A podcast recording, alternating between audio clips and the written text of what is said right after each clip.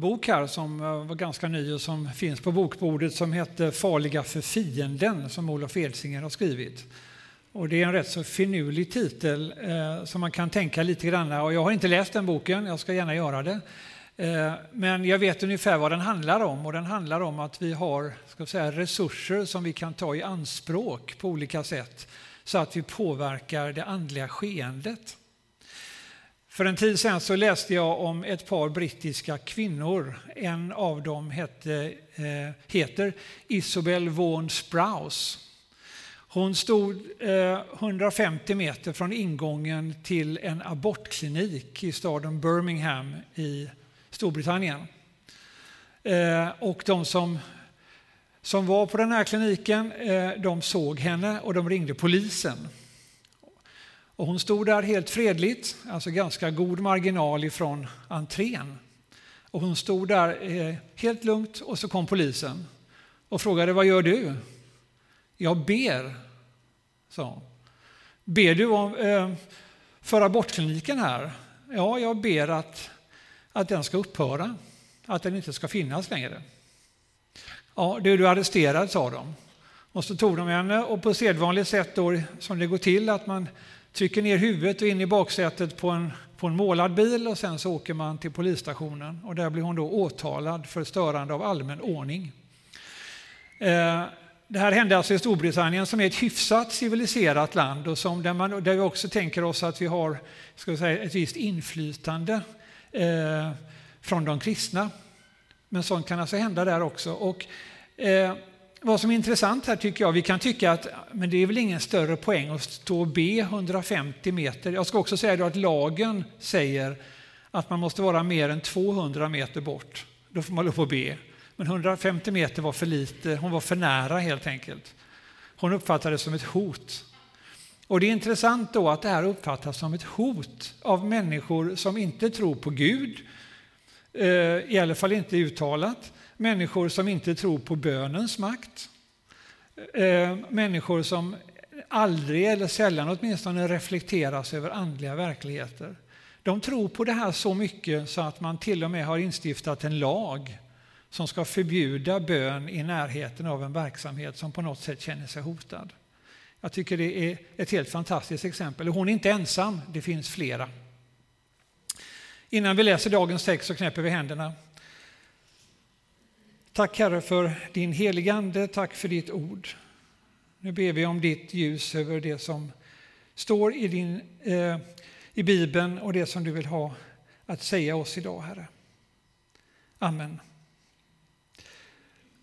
Jag ska läsa från Johannesevangeliet. Det är en av dagens predikotexter, kapitel 15 och början på kapitel 16. När Hjälparen kommer som jag ska sända er från Fadern, sanningens ande som utgår från Fadern, då ska han vittna om mig. Också ni ska vittna, ty ni har varit med mig från början. Detta har jag sagt er för att ni inte ska komma på fall. De skall utesluta er ur synagogorna. Ja, den tid kommer då den som dödar er tror sig bära fram ett offer åt Gud. Och detta ska de göra därför att de inte har lärt känna Fadern och inte heller mig. Jag har sagt er detta för att ni, när den tiden kommer, ska minnas att jag har sagt det. Och så läser jag också från Johannes 14, alltså lite tidigare i texten, där Jesus också talar till sina lärjungar. Men hjälparen, den heliga anden som Fadern ska sända i mitt namn, han ska lära er allt och påminna er om allt som jag har sagt er. Nästa söndag så är det pingst. Eh, och jag förmodar att ni liksom jag ibland inte tänker så jättemycket på det. Det är inte så mycket runt omkring pingsten, inte ens i de kristna sammanhangen. Eh, och framförallt inte i omvärlden. Eh, till skillnad då från jul och påsk som är kommersialiserade och allmänt upphåsade. Eh, men det är ju en ganska betydelsefull dag och jag ska inte predika över vad som händer då, för det ska förhoppningsvis göras nästa söndag. Den här perioden som, som, som vi befinner oss i nu, i torsdags var det Kristi himmelfärdsdag. Eh, och idag är det då söndagen före pingst. Men från då när Jesus hade lämnat lärjungarna och farit upp till himlen eh, fram till andens utgjutande på pingstdagen så är det alltså tio dagar. Och det är en ganska tuff period för lärjungarna. Och man kan verkligen fundera över hur de hade det i det läget. De var förmodligen förvirrade. De hade samlats, de hade lämnats ensamma och samlats sannolikt inomhus någonstans i Jerusalem. Jesus hade ju berättat för dem att anden skulle komma. På ett annat ställe så står det faktiskt också att han säger att den kommer inom några dagar. Men inte mer specifikt än så. Och Jesus hade undervisat lite granna om anden. Men jag tror inte att lärjungarna hade särskilt mycket aning om vad som var på gång. De var nog extremt osäkra. Och vi har ju sett andra exempel i Bibeln också på att lärjungarna inte riktigt har fattat vad Jesus har sagt och det kanske inte är så konstigt. Det, alltså när man talar om andliga ting så är det ju rätt svårt. Det kan vara lurigt att förstå. Och vi kommer tillbaka till det. Men eh, vi kan i alla fall konstatera då att det här är en speciell tid i kyrkans tidigaste historia. De tio dagarna när de var utan både Jesus och anden. Och det är ju en tid då som, som tog slut inom en dryg vecka. Den text som vi läste eh, den beskriver ju eh, att, att Jesus berättar om någonting som ska hända men som ännu inte har hänt. Det finns ett före och ett efter. Han pratar om någonting som ska hända så småningom. Och vi vet då att det händer på pingst och efter pingsten då så är det något nytt som har börjat. Kanske känner vi igen det i vårt eget liv. Jag, jag, blev i alla fall väldigt påmind om när jag läste den här texten, om min egen, när jag själv kom till tro, att det finns ett tydligt före och ett efter. Och vad är skillnaden på före och efter? Den är jättestor, men själva händelsen som gjorde att jag gick från före till efter var i mitt fall helt odramatisk. I en del andra fall så kan den vara väldigt, väldigt dramatisk. Men det var väldigt tydligt ändå. Och tittar jag tillbaka så kan jag ändå säga att jag fick den helige ande. Jag öppnade upp mitt hjärta och det är så Jesus vill, vill göra. Och det kan gå till på många olika sätt. Men det är ett väldigt tydligt före och efter. Och vi som bekänner oss till Jesus, vi är i efterläget så att säga. Vi har passerat det här nålsögat. Men alla andra som inte har gjort det, de är fortfarande i någon mening i ett före. Och är man i före så förstår man inte riktigt vad det innebär att vara i ett efter. Och jag, det kan vara bra att reflektera över ibland. Till exempel då lärjungarna, de visste ju inte vad det här efter skulle innebära och de hade, de hade förmodligen väldigt svårt att föreställa sig hur det skulle vara. Det var ingen som kunde berätta det för dem. Jesus hade varit ganska sparsmakad med information. Och jag tror som sagt var att det kan vara bra för oss att tänka på det när vi ska vittna om vår tro. Vi befinner oss efter och människor som vi talar med befinner sig före. Och det kan så att säga vara någonting att ta hänsyn till. En annan sak som, som Jesus säger här i texten är att anden ska vittna om mig, säger Jesus. Han ska påminna om Jesus, vad Jesus har gjort, vem Jesus är. Och då har alltså lärjungarna gått med Jesus i tre år. Eh, de har sett massa mycket märkliga saker hända. Eh, de har eh, varit vittne och de har lyssnat på Jesus. Och man tycker det, det verkar konstigt att Jesus säger att, att anden ska påminna dem. Vi behöver inte påminnas kan de ju säga i det läget. Vi har ju det här jätteklart för oss. Det var ju så nyss det hände. Och det gjorde sånt enormt intryck på oss. Men eh, samtidigt så vet vi att det behöver inte gå särskilt lång tid förrän saker och ting ska blekna bort.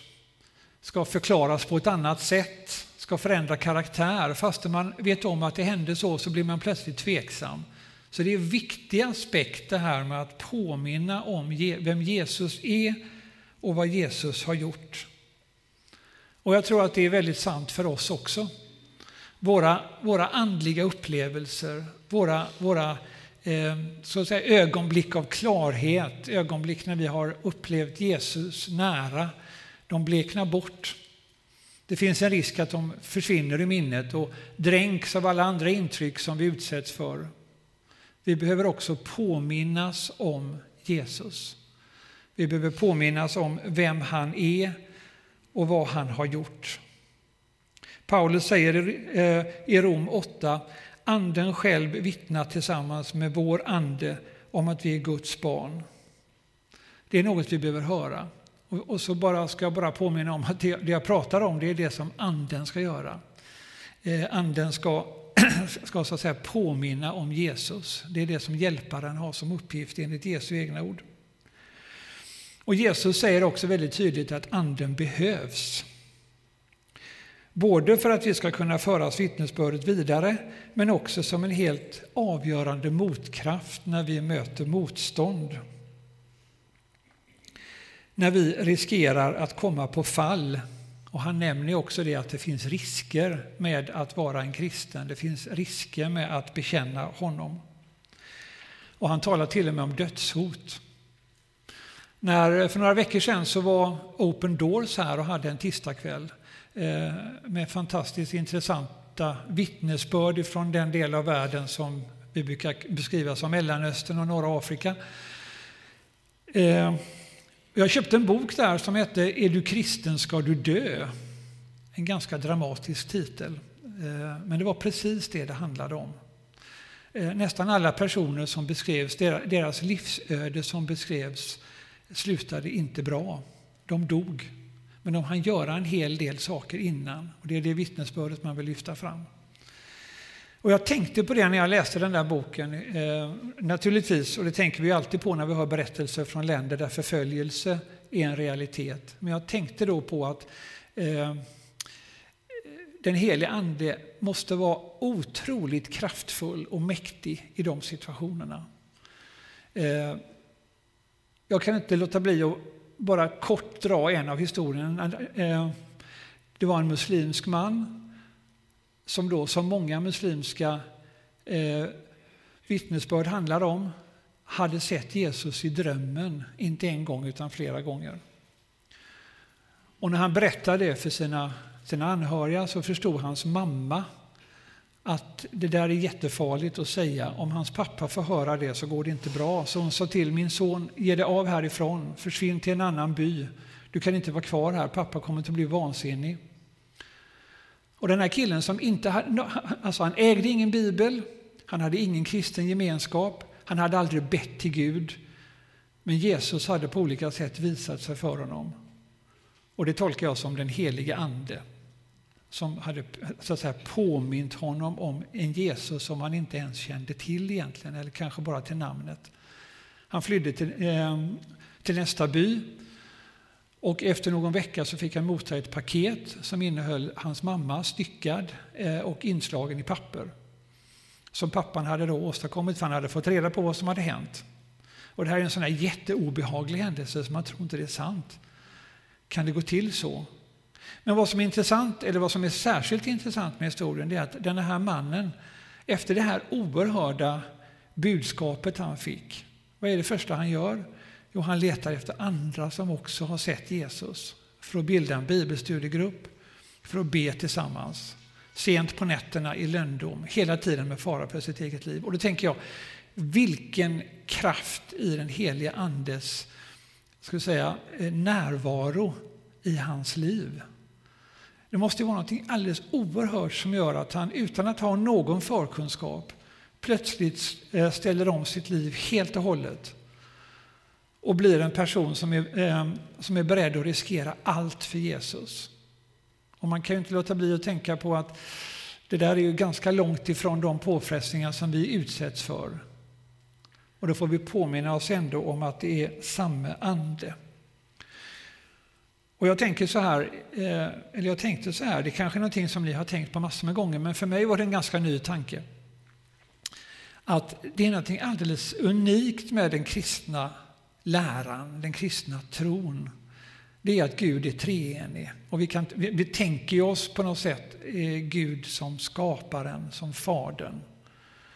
Eh, som, som, som, är, eh, som uppehållaren. Och så den andra aspekten av Gud, nämligen Jesus. Nu ska jag inte komma in på teologiska svårigheter här, men, men det, är liksom, det är den andra delen av treenigheten, det är ju Kristus. Och hans stora verk var ju att han levde ett alltigenom syndfritt liv, han dog och han uppstod. Och så har vi då den tredje aspekten av Gud, den helige Ande.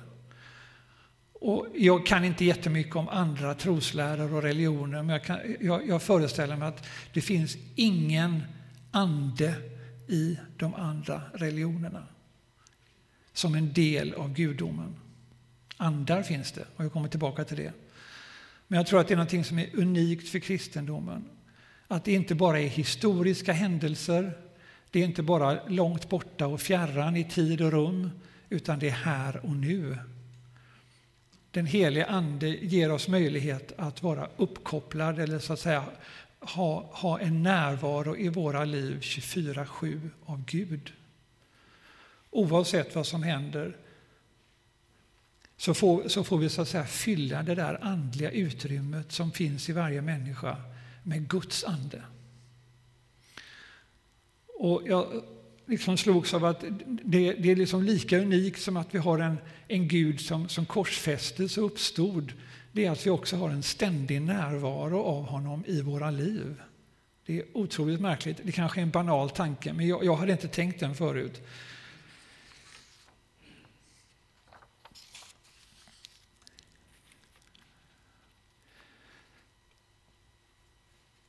Hjälparen kommer alltså från Fadern. Och eh, vi hör ofta människor som säger att en helhetssyn på människan, det innebär att man bejakar människan som kropp, själ och ande. Det har ni hört säkert också. Jag har hört det föreläsas, jag har hört det när jag låg i lumpen, jag har hört det när jag läste medicin, jag har hört det när jag har hört olika föreläsningar både innanför och utanför kyrkans väggar. Människan består av kropp, själ och ande.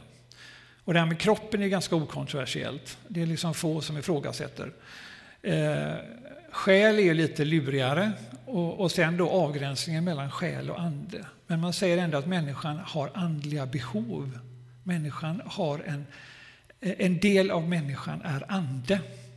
Och vi kan naturligtvis som kristna bara säga ja amen till det, det stämmer. Men jag tänker så här, de som inte har en tro, de som inte känner till den heliga Ande överhuvudtaget, på vilket sätt är de andliga? Vad är det som uppfyller den delen av deras existens som de säger för den andliga delen? En lite spännande fråga.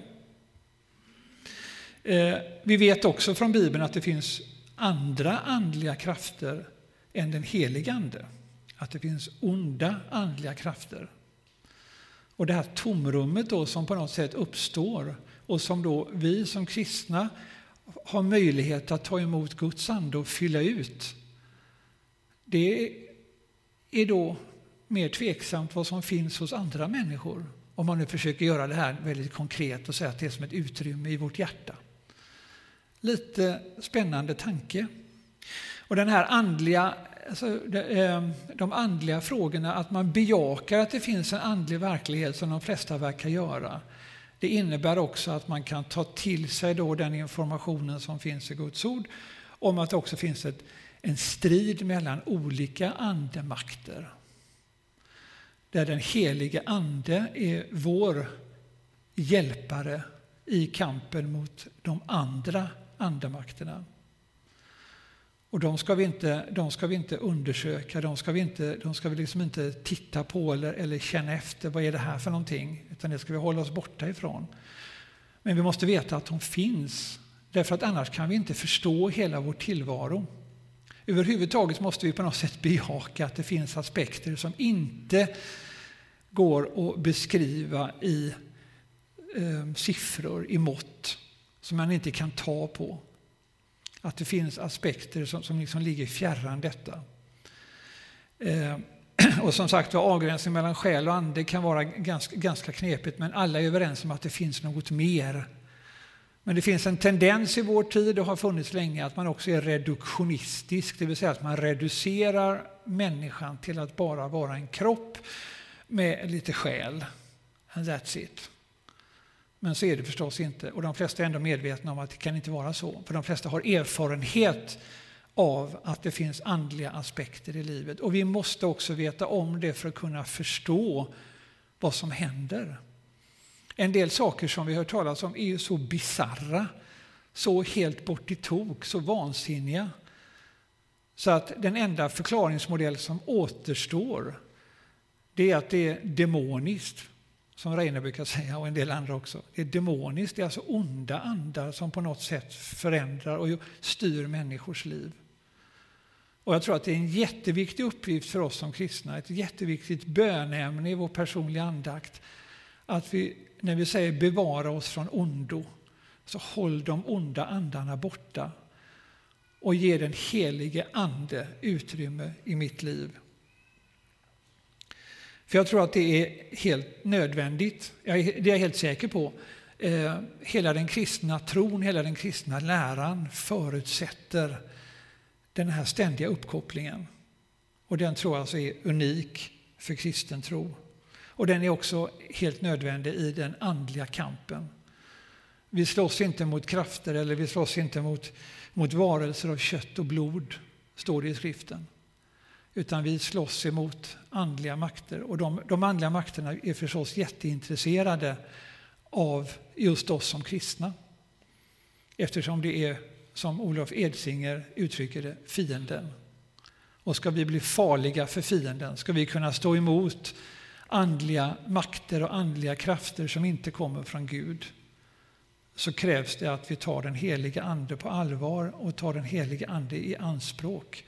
Och sen vet ni, Paulus skriver mycket om det, att den heliga Ande kommer inte bara som en, som en händelse utan kommer med frukter och med gåvor som också då är nödvändiga verktyg. Men det kommer säkert nästa söndags predikant tillbaka till. Och det här gäller förstås på flera plan. Det gäller på samhällsplanet, det gäller på församlingsplanet och det gäller också i mitt personliga liv naturligtvis. Vi ska vara, så att säga, kan vara helt övertygade om att vi behöver hjälparen därför att fienden är ute efter oss. Det är inget, det är inget tu tal om det. Eh, och vi vet också att han är ganska framgångsrik. Vi kan, vi, vi kan säkert var och en i våra så att säga, egna liv se ganska mycket där vi har vikt ner oss, där vi på något sätt har valt fel, där vi har släppt in onda ting i vår tillvaro, där vi har gjort fel, sagt fel saker, handlat oklokt, egoistiskt, kärlekslöst. Och då jublar fienden.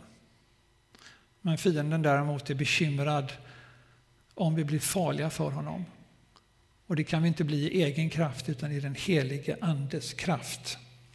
Och det här är alltså någonting som i, eh, högsta grad också gäller på det personliga planet.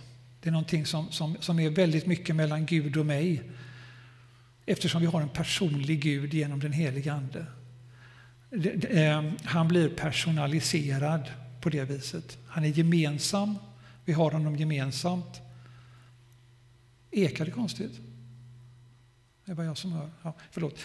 Vi, eh, vi har honom gemensamt. Eh, tillsammans med andra troende, vilket är en underbar sanning att tänka på. Eh, vi står i samma kamp, men vi har, men eh, vi har också vår personliga bit av detta. Där den personliga relationen till Fadern sker genom den heliga Ande. På vilket sätt skulle det annars ske? Eh, när vi ber till Gud så är det ju den helige Ande som ber för oss inför Herren vilket, eh, vilket också står i skriften. Och det är den heliga Ande som gör det möjligt för mig att kunna kommunicera med Gud. Och därför är det lite svårt att förklara. Jag vet inte hur Isobel von Sprouse förklarade för polisen vad hon gjorde för någonting. Hon sa att hon bad. Hon bad till Gud. Och man undrar hur de tänkte då att mm, det är bäst vi sätter henne i finkan.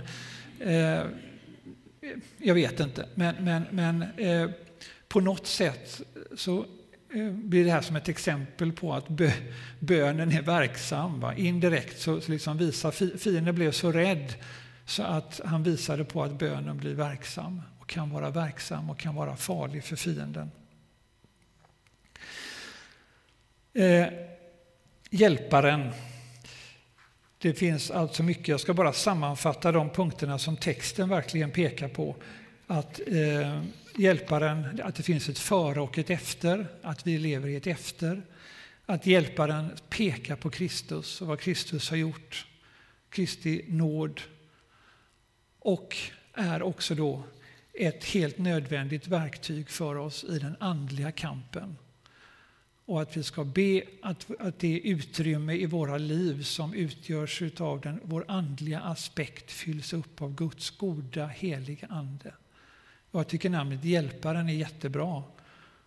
För hur ofta skriker vi inte på hjälp? När Kerstin Oderheim på EFS årskonferens som tog slut, nej det vet jag inte, men årsmötet tog slut häromdagen Eh, vi hörde på det lite grann. Eh, pågår nog fortfarande konferensen uppe i Umeå. Men då skulle hon be för den nya styrelsen. Och då bad hon så här att den heliga Ande skulle ge dem visdom, ledning och glädje. Underbart!